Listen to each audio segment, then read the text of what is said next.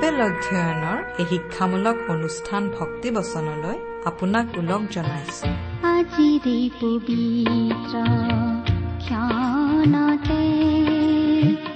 উজলি উঠা খ্ৰীষ্টৰ জ্যোতি। জীৱনৰ ঘাট প্ৰতিঘাতবোৰে আপোনাক ভাৰাক্ৰান্ত কৰিছে নেকি? জীৱনৰ জটিলতাবোৰৰ ভাৰত আপুনি দিশহাৰা হৈছে নেকি? প্ৰিয় শ্ৰোতা তেন্তে আপুনি এই অনুষ্ঠানটি শেষলৈকে মনোযোগেৰে শুনিব। প্ৰভু যীশুৰ বাণীয়ে নিশ্চয় আজি কঢ়িয়াই আনিব আপোনাৰ জীৱনলৈ এক নতুন ছন্দ। দিশহাৰা জীৱনক এক সঠিক দিশ প্ৰদৰ্শন কৰিবলৈ এয়া আপোনালৈ আগবঢ়াইছো পবিত্ৰ বাইবেল শাস্ত্ৰৰ শিক্ষামূলক অনুষ্ঠান ভক্তিবচন ক্ৰুচৰ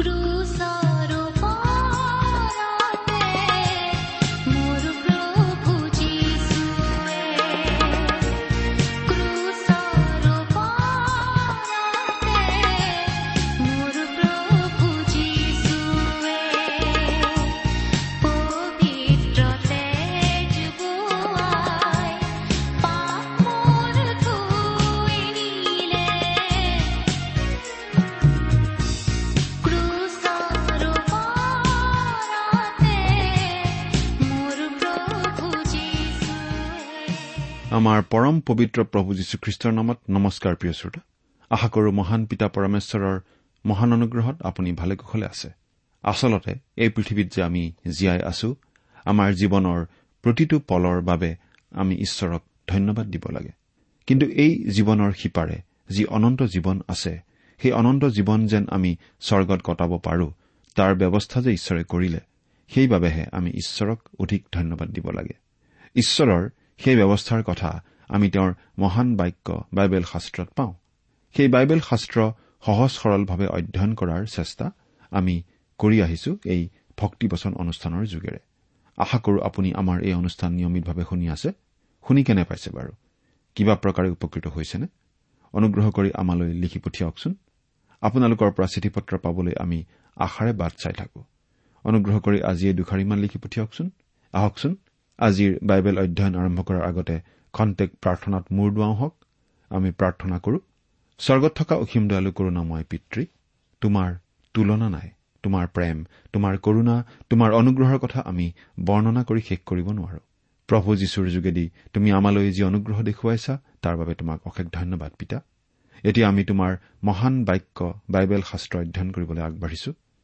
তোমাৰ বাক্য তুমিয়েই আমাক বুজাই দিয়া। এই অনুষ্ঠানৰ আৰম্ভণিৰ পৰা শেষলৈকে তুমিয়েই আমাৰ চলাওঁতা হোৱা।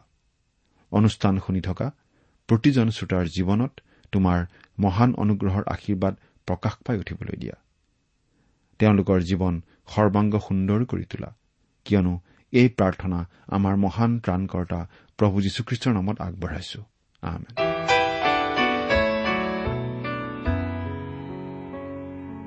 প্ৰিয় শ্ৰোতা আপোনালোকে যদি আমাৰ এই ভক্তিবচন অনুষ্ঠান নিয়মিতভাৱে শুনি আছে তেনেহলে নিশ্চয় জানে যে আমি এতিয়া বাইবেলৰ পুৰণি নিয়ম খণ্ডৰ গীতমালা নামৰ পুস্তকখন অধ্যয়ন কৰি আছো। নহয় জানো?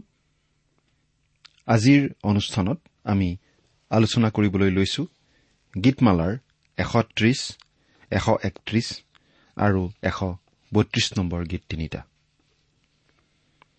এই অনুষ্ঠান শুনাৰ সময়ত আপোনালোকে লগত বাইবেলখন লৈ লৈছেনে বাৰু?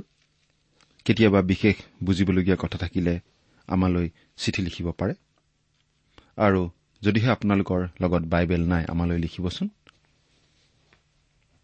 বাৰু আমি ইতিমধ্যেই উল্লেখ কৰিছো যে ডায়ুদে ৰচনা কৰা কেইবাটাও যাত্ৰাৰ গীত আছে আৰু আজি অধ্যয়ন কৰিবলৈ লোৱা গীতকেইটিও তাৰেই অংশ। গীতমালাৰ এশ ত্ৰিশ নম্বৰ গীতটো আচলতে ইয়াৰ আগৰ গীতৰেই অংশ বিশেষ এজন বিখ্যাত বাইবেল পণ্ডিতে এই গীতটোক সাধু পৌলৰ গীত বুলি অভিহিত কৰিছে।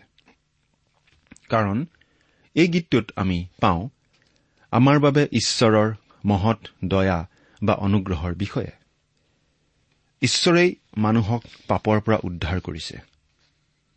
তেওঁ ইয়াকে কৰিছে মানুহৰ কোনো ভাল কৰ্মৰ কাৰণে নহয় কিন্তু ঈশ্বৰৰ অনুগ্ৰহৰ বাবেই। এবাৰ এগৰাকী বিখ্যাত ঈশ্বৰ ভক্তক কোনোবাই প্ৰশ্ন কৰিছিল গীতমালাৰ ভিতৰত আটাইতকৈ ভাল গীত কোনবোৰ? তেতিয়া সেই ঈশ্বৰ ভক্তজনে উত্তৰ দিছিল এইবুলি সাধু পৌলীয় গীতবোৰ। আকৌ তেওঁক প্ৰশ্ন কৰা হৈছিল সাধু পৌলীয় গীতবোৰনো আকৌ কি? তেতিয়া তেখেতে উত্তৰত কৈছিল বত্ৰিশ একাৱন এশ ত্ৰিশ আৰু এশ তিয়াল্লিছ নম্বৰ গীতবোৰ। তেওঁ তেতিয়া বুজাই কৈছিল যে এই গীতবোৰে শিকায় যে ভাল কৰ্ম কৰিব নোৱাৰা মানুহৰ বাবে বিশ্বাসেই হ'ল পৰিত্ৰাণৰ বাবে প্ৰকৃত কাম। সেয়ে মানুহ মাত্ৰেই ঈশ্বৰৰ যি প্ৰেম বা ক্ষমা তাত আত্মনিয়োগ কৰিব লাগে। এতিয়া আমি একৰ পৰা তিনি নম্বৰ পদলৈকে পাঠ কৰি দিম। হে জিহুৱা মই অগাধ জলৰ মাজত থাকি তোমাৰ আগত প্ৰাৰ্থনা কৰিলো। হে প্ৰভু মোৰ স্বৰ শুনা মোৰ কাকুতিৰ স্বৰলৈ তোমাৰ কাণ পতা হওক। হে জিহুৱা তুমি অপৰাধ ধৰিলে কোনে তিষ্ঠিব পাৰে?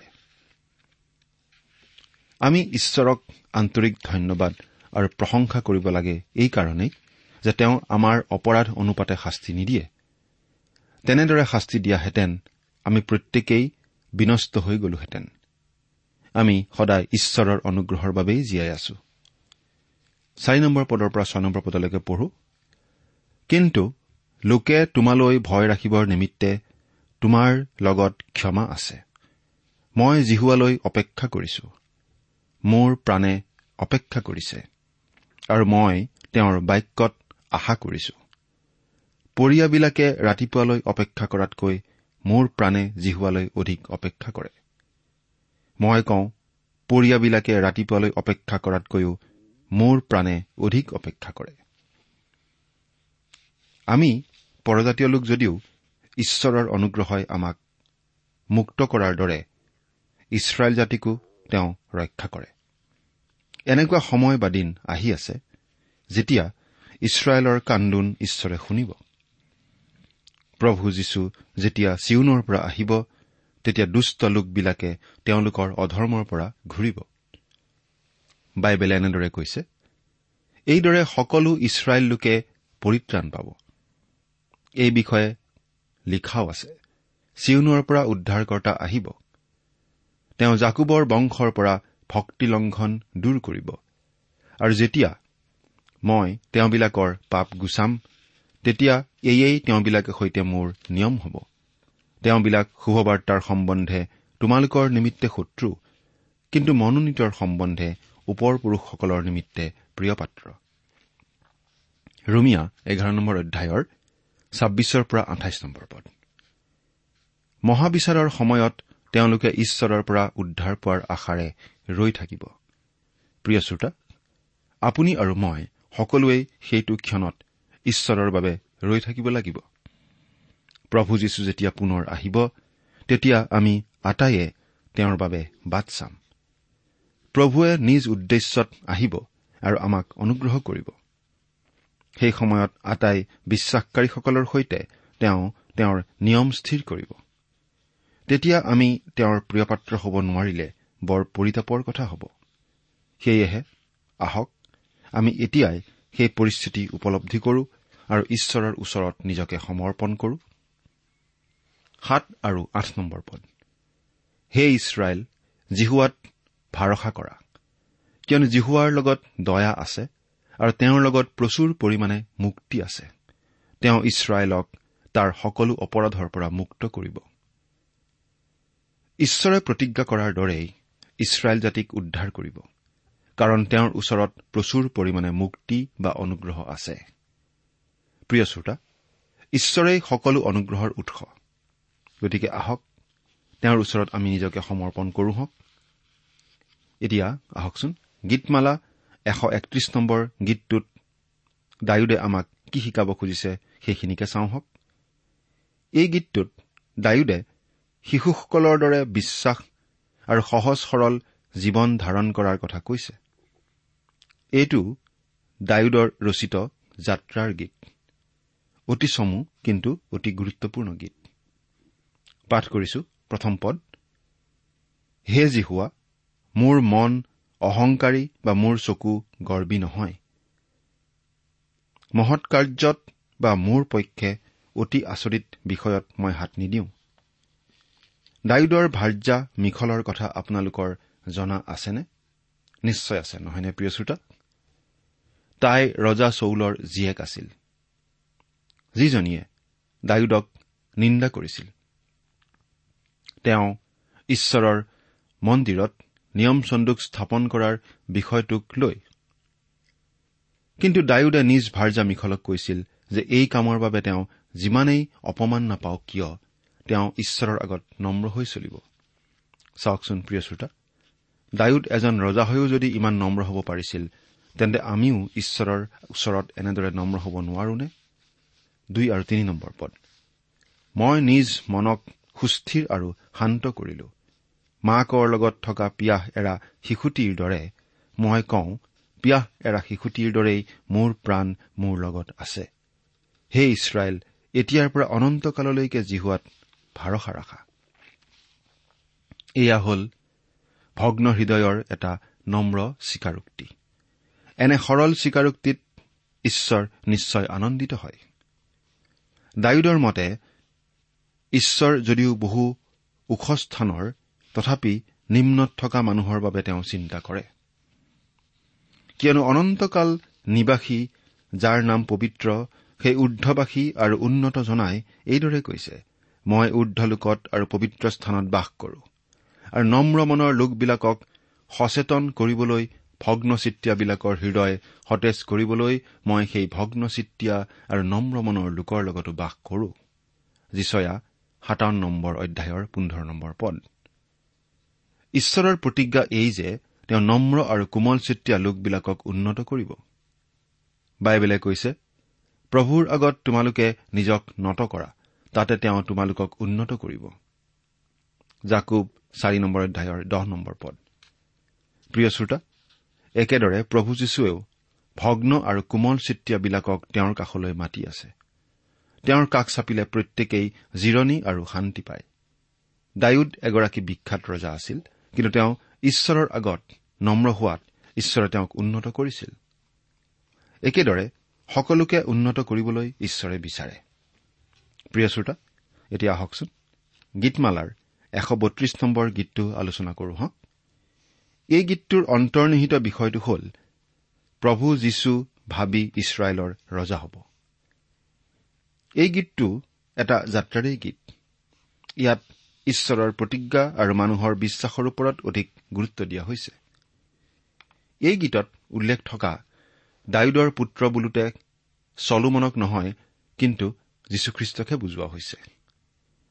এই সত্যতাৰ ভিত্তিতেই আহক আমি এই গীতটো আলোচনা কৰো হওক এক নম্বৰ পদৰ পৰা পাঁচ নম্বৰ পদলৈকে পাঠ কৰি দিম। হে জিহুৱা ডায়ুদৰ পক্ষে তেওঁৰ সকলো ক্লেশ সোঁৱৰণ কৰা। যেতিয়ালৈকে মই জিহুৱাৰ নিমিত্তে এক ঠাই জাকুবৰ শক্তিমানজনাৰ নিমিত্তে এক বাসস্থান নাপাওঁ তেতিয়ালৈকে নিশ্চয় মই মোৰ তম্বুঘৰত নুসুমাওঁ মোৰ শয্যাত নুঠো। মোৰ চকুক টোপনি যাবলৈ নিদিওঁ বা মোৰ চকুৰ পিৰঠিক ঘুমতি যাবলৈ নিদিওঁ বুলি তেওঁ জিহুৱাৰ আগত কেনে শপত খালে আৰু জাকুবৰ শক্তিমানজনৰ আগত কেনে সংকল্প কৰিলে তাক সোঁৱৰণ কৰা? এয়া চলোমনৰ মনৰ কথা। তেওঁ যিকোনো সমস্যাৰ বিপৰীতে বা যিকোনো স্বাৰ্থ ত্যাগ কৰি হলেও ঈশ্বৰৰ গৃহ নিৰ্মাণ কৰি তেওঁক সন্তুষ্ট কৰিব। দ্বিতীয় চমুৱেল পুস্তকৰ সাত নম্বৰ অধ্যায়ত আমি পাই আহিছো। ডায়ুদে কেনেদৰে ঈশ্বৰৰ গৃহ নিৰ্মাণ কৰা আৰু সেই গৃহ নিৰ্মাণ কৰি তাত ঈশ্বৰৰ নিয়ম চন্দুক ৰখাৰ কথা লৈ ঈশ্বৰৰ গুৰিত প্ৰাৰ্থনা কৰিছিল। কাৰণ সেই কাম কৰি ঈশ্বৰৰ সেৱা কৰাটো তেওঁৰ জীৱনৰ এটা হাবিয়াস আছিল। ছয় নম্বৰ পদৰ পৰা আঠ নম্বৰ পদলৈকে পাঠ কৰি দিম। চোৱা আমি ইফ্ৰাথাত তাৰ বিষয়ে শুনিলো কিন্তু জীয়াৰৰ পথাৰত তাক পালো। আহা আমি তেওঁৰ বাসস্থানত সোমাওঁ। আমি তেওঁৰ ভৰিপীড়াত প্ৰণিপাত কৰো। হে জিহুৱা এতিয়া তুমি আৰু তোমাৰ শক্তিৰ চন্দুক তোমাৰ বিশ্ৰামৰ ঠাইলৈ উঠি যোৱা। ডায়ুদে নিজ হাতেৰে নিৰ্মাণ কৰা ঈশ্বৰৰ গৃহত নিয়ম চন্দুক ৰাখি তেওঁৰ চৰণত প্ৰণিপাত কৰিবলৈ বিচাৰে কাৰণ তাতেই ঈশ্বৰৰ গৌৰৱ আৰু শক্তি নিহিত হৈ আছে। ইয়াৰ পৰাই ঈশ্বৰে সকলোকে প্ৰচুৰ পৰিমাণে আশীৰ্বাদ দান কৰে বুলি ডায়ুদে বিশ্বাস কৰিছিল। ন নম্বৰ পদৰ পৰা এঘাৰ নম্বৰ পদ। তোমাৰ পুৰোহিতবিলাকে ধাৰ্মিকতাৰূপ বস্ত্ৰ পিন্ধক আৰু তোমাৰ সাধুবিলাকে আনন্দধ্বনি কৰক। তুমি তোমাৰ দাস ডায়ুদৰ নিমিত্তে তোমাৰ অভিষিক্তজনক বিমুখ নকৰিবা। জিহুৱাই ডায়ুদৰ আগত সত্যৰূপে শপত খাই কলে তেওঁ তাৰ পৰা নোলটিব। মই তোমাৰ ঔৰসত জন্মা লোকক তোমাৰ সিংহাসনত বহুৱাম। প্ৰিয় শ্ৰোতা ইয়াত ডায়ুদৰ সন্তান বোলোতে প্ৰভু যীশুলৈহে আঙুলিওৱা হৈছে। কাৰণ আমি ৰাজাৱলী আৰু বংশাৱলী পুস্তক পাই আহিছো। তাত পাইছো যে ডায়ুদৰ বংশৰ বহুকেইজন পাপিষ্ঠ ৰজাই দেশ শাসন কৰিছিল। কিন্তু ইয়াত এনে এজন ৰজাৰ কথা কোৱা হৈছে যিগৰাকী পাপী নহয় আৰু যিগৰাকী এগৰাকী চিৰকলীয়া চিৰস্থায়ী শাসনকৰ্তা হ'ব। আৰু সেইজনেই হ'ল প্ৰভু যীশুখ্ৰীষ্ট। বাৰ আৰু তেৰ নম্বৰ পদ। তোমাৰ সন্তানবিলাকে যদি মোৰ নিয়মটি আৰু মই সিবিলাকক শিকোৱা সাক্ষ্যবোৰ পালন কৰে তেন্তে সিবিলাকৰ সন্তানবিলাকো চিৰকাললৈকে তোমাৰ সিংহাসনত বহিব। কিয়নো জিহুৱাই চিয়নক মনোনীত কৰিলে নিজ বাসস্থানৰ নিমিত্তে তালৈ ইচ্ছা কৰিলে। আমি ইয়াত দেখিবলৈ পাওঁ যে ডায়ুদৰ সন্তানবিলাকে ঈশ্বৰৰ নিয়মটি পালন কৰা নাছিল আৰু ফলত তেওঁলোকে নিজ দেশৰ পৰা উচ্ছন্ন হৈ বাবিল দেশত বন্দী হৈ জীৱন কটাবলগীয়া হৈছিল। কিন্তু ইয়াতে এটা বিষয় আমি মন কৰিব লাগে যে যদিও ডায়ুদৰ সন্তানবিলাকে ঈশ্বৰৰ নিয়ম উলংঘা কৰিছিল ঈশ্বৰৰ প্ৰতিজ্ঞা কিন্তু একেই আছিল। ঈশ্বৰে নিৰ্ধাৰণ কৰা সময়ত ডায়ুদৰ বংশৰ সন্তানসকল তেওঁৰ সিংহাসনত বহিব। শুভবাৰ্তা লেখকসকলৰ বৰ্ণনাত যীশুখ্ৰীষ্টক ডায়ুদৰ বংশধৰ বুলি কোৱা হৈছে। প্ৰভু যীশুখ্ৰীষ্টই যে ডায়ুদৰ বংশৰ সন্তান তাকেই গীতমালাৰ লেখকে বৰ্ণনা কৰিছে। ইয়াত ঈশ্বৰৰ ইচ্ছা এনেদৰেই প্ৰকাশ কৰি কোৱা হৈছে যে সঠিক সময়ত ডায়ুদৰ বংশত প্ৰভু যীশুখ্ৰীষ্টৰ জন্ম হৈছিল। চৈধ্য আৰু পোন্ধৰ নম্বৰ পদ। আৰু কলে এয়ে মোৰ চিৰকালৰ বিশ্ৰামৰ ঠাই। ইয়াতে মই নিবাস কৰিম। কিয়নো মই ইয়ালৈ ইচ্ছা কৰিলো। ইয়াৰ খোৱাবস্তুক মই অধিক আশীৰ্বাদ কৰিম। ইয়াৰ দৰিদ্ৰ লোকক আহাৰেৰে তৃপ্ত কৰিম। ঈশ্বৰে ডায়ুদৰ যোগেদি প্ৰচাৰ কৰা এই ভাৱবাণী এতিয়াও ফলিয়াইছে নে নাই তাক সঠিককৈ ক'ব পৰা নাযায়। কাৰণ জিৰচালেমত এতিয়াও ঈশ্বৰৰ গৌৰৱ প্ৰকাশ হৈছে বুলি আমি ক'ব নোৱাৰো। চিউন পৰ্বতৰ বিষয়ে ঈশ্বৰে ডায়ুদৰ যোগেদি যি ভাৱবাণী কৈছে সেয়া ভৱিষ্যতে ফলিয়াব পাৰে। আমাৰ কাৰণে গুৰুত্বপূৰ্ণ বিষয়টো হ'ল যিজনে যীশুৰ আগমনৰ কথা প্ৰকাশ কৰিছিল তেওঁৰ ঈশ্বৰ ভক্তি আমাৰো গ্ৰহণযোগ্য। ডায়ুদে যিকোনো পৰিৱেশ আৰু যিকোনো সময়তেই ঈশ্বৰক আৰাধনা কৰিব পাৰিছিল। সেইজন ঈশ্বৰক আমিও জানিব লাগে আৰু সেৱা আৰাধনা কৰিব লাগে। ষোল্ল আৰু সোতৰ নম্বৰ পদ। ইয়াৰ পুৰোহিতবিলাকক পৰিত্ৰাণৰ বস্ত্ৰ পিন্ধাম আৰু ইয়াৰ সাধুবিলাকে বৰ মাতেৰে আনন্দধ্বনি কৰিব। ইয়াত মই ডায়ুদৰ নিমিত্তে এটি শিং গজাম। মোৰ অভিষিক্তজনৰ নিমিত্তে এক প্ৰদীপ যুগুত কৰালো। ঈশ্বৰৰ এই ভাৱবাণী বা প্ৰতিজ্ঞা ভৱিষ্যতে ডায়ুদৰ বংশৰ যোগেদি ফলিয়াব। ডায়ুদৰ নিমিত্তে এটি শিং গজাম বোলা এই বাক্যেৰে ঈশ্বৰে চিৰস্থায়ী ব্যৱস্থা এটা কৰিম বুলি কৈছে। ঈশ্বৰে ইয়াকো বুজাব খুজিছে যে অপৰাজেয় বা অদ্বিতীয় কিবা এটাৰে ডায়ুদৰ বংশ জাকত জিলিকা বা চিৰস্থায়ী কৰিব। ঈশ্বৰে প্ৰভু যীশুৰ জৰিয়তে ডায়ুদৰ বংশ ইতিমধ্যেই উন্নত তথা চিৰস্থায়ী কৰিলে।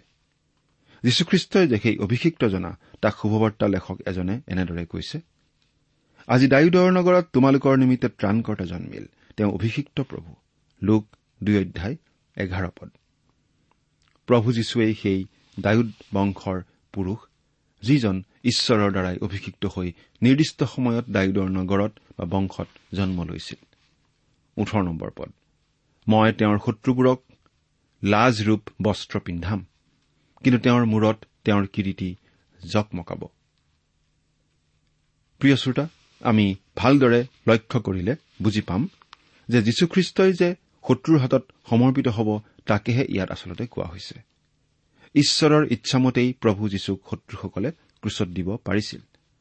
তেওঁলোকে ভাবিছিল যে প্ৰভু যীশুক হত্যা কৰি তেওঁলোকে ডাঙৰ সফলতাৰ কাম এটা কৰিলে। কিন্তু শত্ৰুসকলে অচিৰেই বুজি পাইছিল যে তেওঁলোকৰ কল্পনা ভুল। বিশেষকৈ তৃতীয় দিনা যেতিয়া প্ৰভু যীশুখ্ৰীষ্ট আকৌ জি উঠিছিল তেতিয়া সকলোৰে অৱস্থা লাজত মুখ দেখুৱাব নোৱাৰা অৱস্থা হৈছিল। তেওঁলোকে প্ৰভু যীশুক হাৰ মনাব নোৱাৰিলে।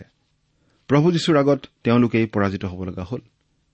ইয়াতেই ঈশ্বৰৰ মহানতা প্ৰকাশ পাইছে। মানুহে কেতিয়াও ঈশ্বৰৰ সৈতে ফেৰ মাৰিব নোৱাৰে। আৰু মাৰিলেও মানুহেই যদি জয়ী হোৱা বুলি ভাবে তেন্তে সেয়া সম্পূৰ্ণভাৱে ভুল। যীশুখ্ৰীষ্টৰ শত্ৰুসকলে তেনে ভুলহে কৰিছিল। ফলত তেওঁলোকে লাজৰূপ বস্ত্ৰ পিন্ধিব লগা হৈছিল। কিন্তু প্ৰভু যীশুৰ মূৰৰ ওপৰত তেওঁৰ কিৰিটি জকমকাই আছিল। প্ৰিয় শ্ৰোতা আমি আজি একেদিনাই সৰু সৰু তিনিটা যাত্ৰাৰ গীত আলোচনা কৰিলো। আজিৰ আলোচনা আমি ইমানতেই সামৰিব খুজিছো। তাৰ আগতে আকৌ এবাৰ সোঁৱৰাই দিছো যে আপোনাৰ কিবা প্ৰশ্ন বা মতামত আদি থাকিলে আমাক চিঠিৰে লিখি যাতে জনায়। আজিলৈ আমাৰ আলোচনা ইমানতেই সামৰিছো। আমাৰ পৰৱৰ্তী অনুষ্ঠানত আপোনালোকক পুনৰ লগ পোৱাৰ আশাৰে মেলানি মাগিছো। ঈশ্বৰ আপোনালোকৰ সহায় হওক। আহমেন প্ৰিয় শ্ৰোতা ইমান পৰে আপুনি বাইবেল শাস্ত্ৰৰ পৰা ঈশ্বৰৰ বাক্য শুনিলে। এই বিষয়ে আপোনাৰ মতামত জানিবলৈ পালে আমি নথৈ আনন্দিত হ'ম। আমি প্ৰস্তুত কৰা বাইবেল অধ্যয়নৰ চিডিসমূহ পাব বিচাৰিলে আৰু অনুষ্ঠানত প্ৰচাৰ কৰা কোনো কথা বুজিব লগা থাকিলেও আমালৈ লিখক। আমাৰ যোগাযোগৰ ঠিকনা ভক্তিবচন ট্ৰান্সৱৰ্ল্ড ৰেডিঅ' ইণ্ডিয়া ডাক বাকচ নম্বৰ সাত শূন্য গুৱাহাটী সাত আঠ এক শূন্য শূন্য এক। ঠিকনাটো আকৌ এবাৰ কৈছো ভক্তিবচন ট্ৰান্স ৱৰ্ল্ড ৰেডিঅ' ইণ্ডিয়া ডাক বাকচ নম্বৰ সাত শূন্য গুৱাহাটী সাত আঠ এক শূন্য শূন্য এক। জাগা হে বন্ধু জাগা হে বন্ধু কলা ঘুমতিৰি শুই থাকোতেই বেলি লহিয়াই আৰু নকৰা দেৰি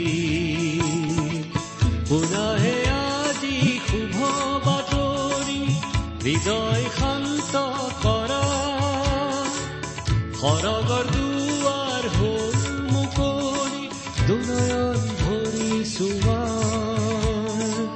শুনাহে আজি শুভ বাতৰি হৃদয়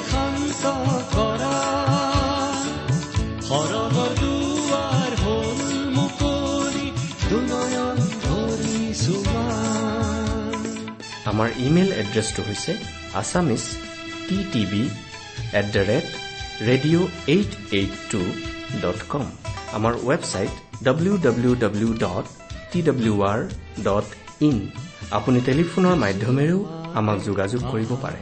আমাৰ টেলিফোন নম্বৰটো হৈছে nine eight five four zero' four zero' eight eight nine phone নম্বৰটো আকৌ এবাৰ কৈছো ন আঠ পাঁচ চাৰি শূন্য চাৰি শূন্য আঠ আঠ ন। যিচুৱে মাতে আহা কাষলে ভয় শংকা এৰি। অনন্ত জীৱন আছে তেতে আহা সবে আজি দৰি। যিচুতে পাবা সুখৰ আধাৰ পাপ অপৰাধ ক্ষমা। তোমাৰ জীৱন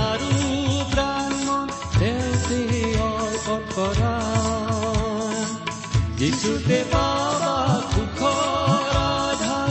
পাপ ক্ষমা তোমাৰ জীৱন আৰু প্ৰাণ আপুনি এই ভক্তিবচন অনুষ্ঠানটি আমাৰ website radio' eight eight two dot কমতো শুনিব পাৰিব। আজিৰ অনুষ্ঠানটি ইমানতেই সামৰিছো। ঈশ্বৰৰ শান্তি আৰু অনুগ্ৰহ আপোনাৰ লগত থাকক। ধন্যবাদ।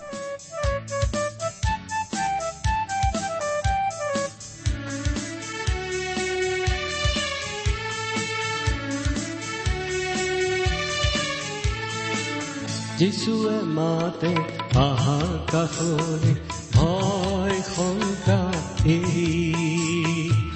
অনন্ত জীৱন আছে তেওঁতে আহা সবে আজি দৰি যিচুৱে মাতে আহা কাষলে ভয় শংকা এৰি অনন্ত জীৱন আছে তেওঁতে যিচুতে পাবা সুখৰ আধাৰ পাপ অপৰাধ ক্ষমা। তোমাৰ জীৱন আৰু প্ৰাণ অৰ্পণ কৰা। যিচুতে পাবা সুখৰ আধাৰ পাপ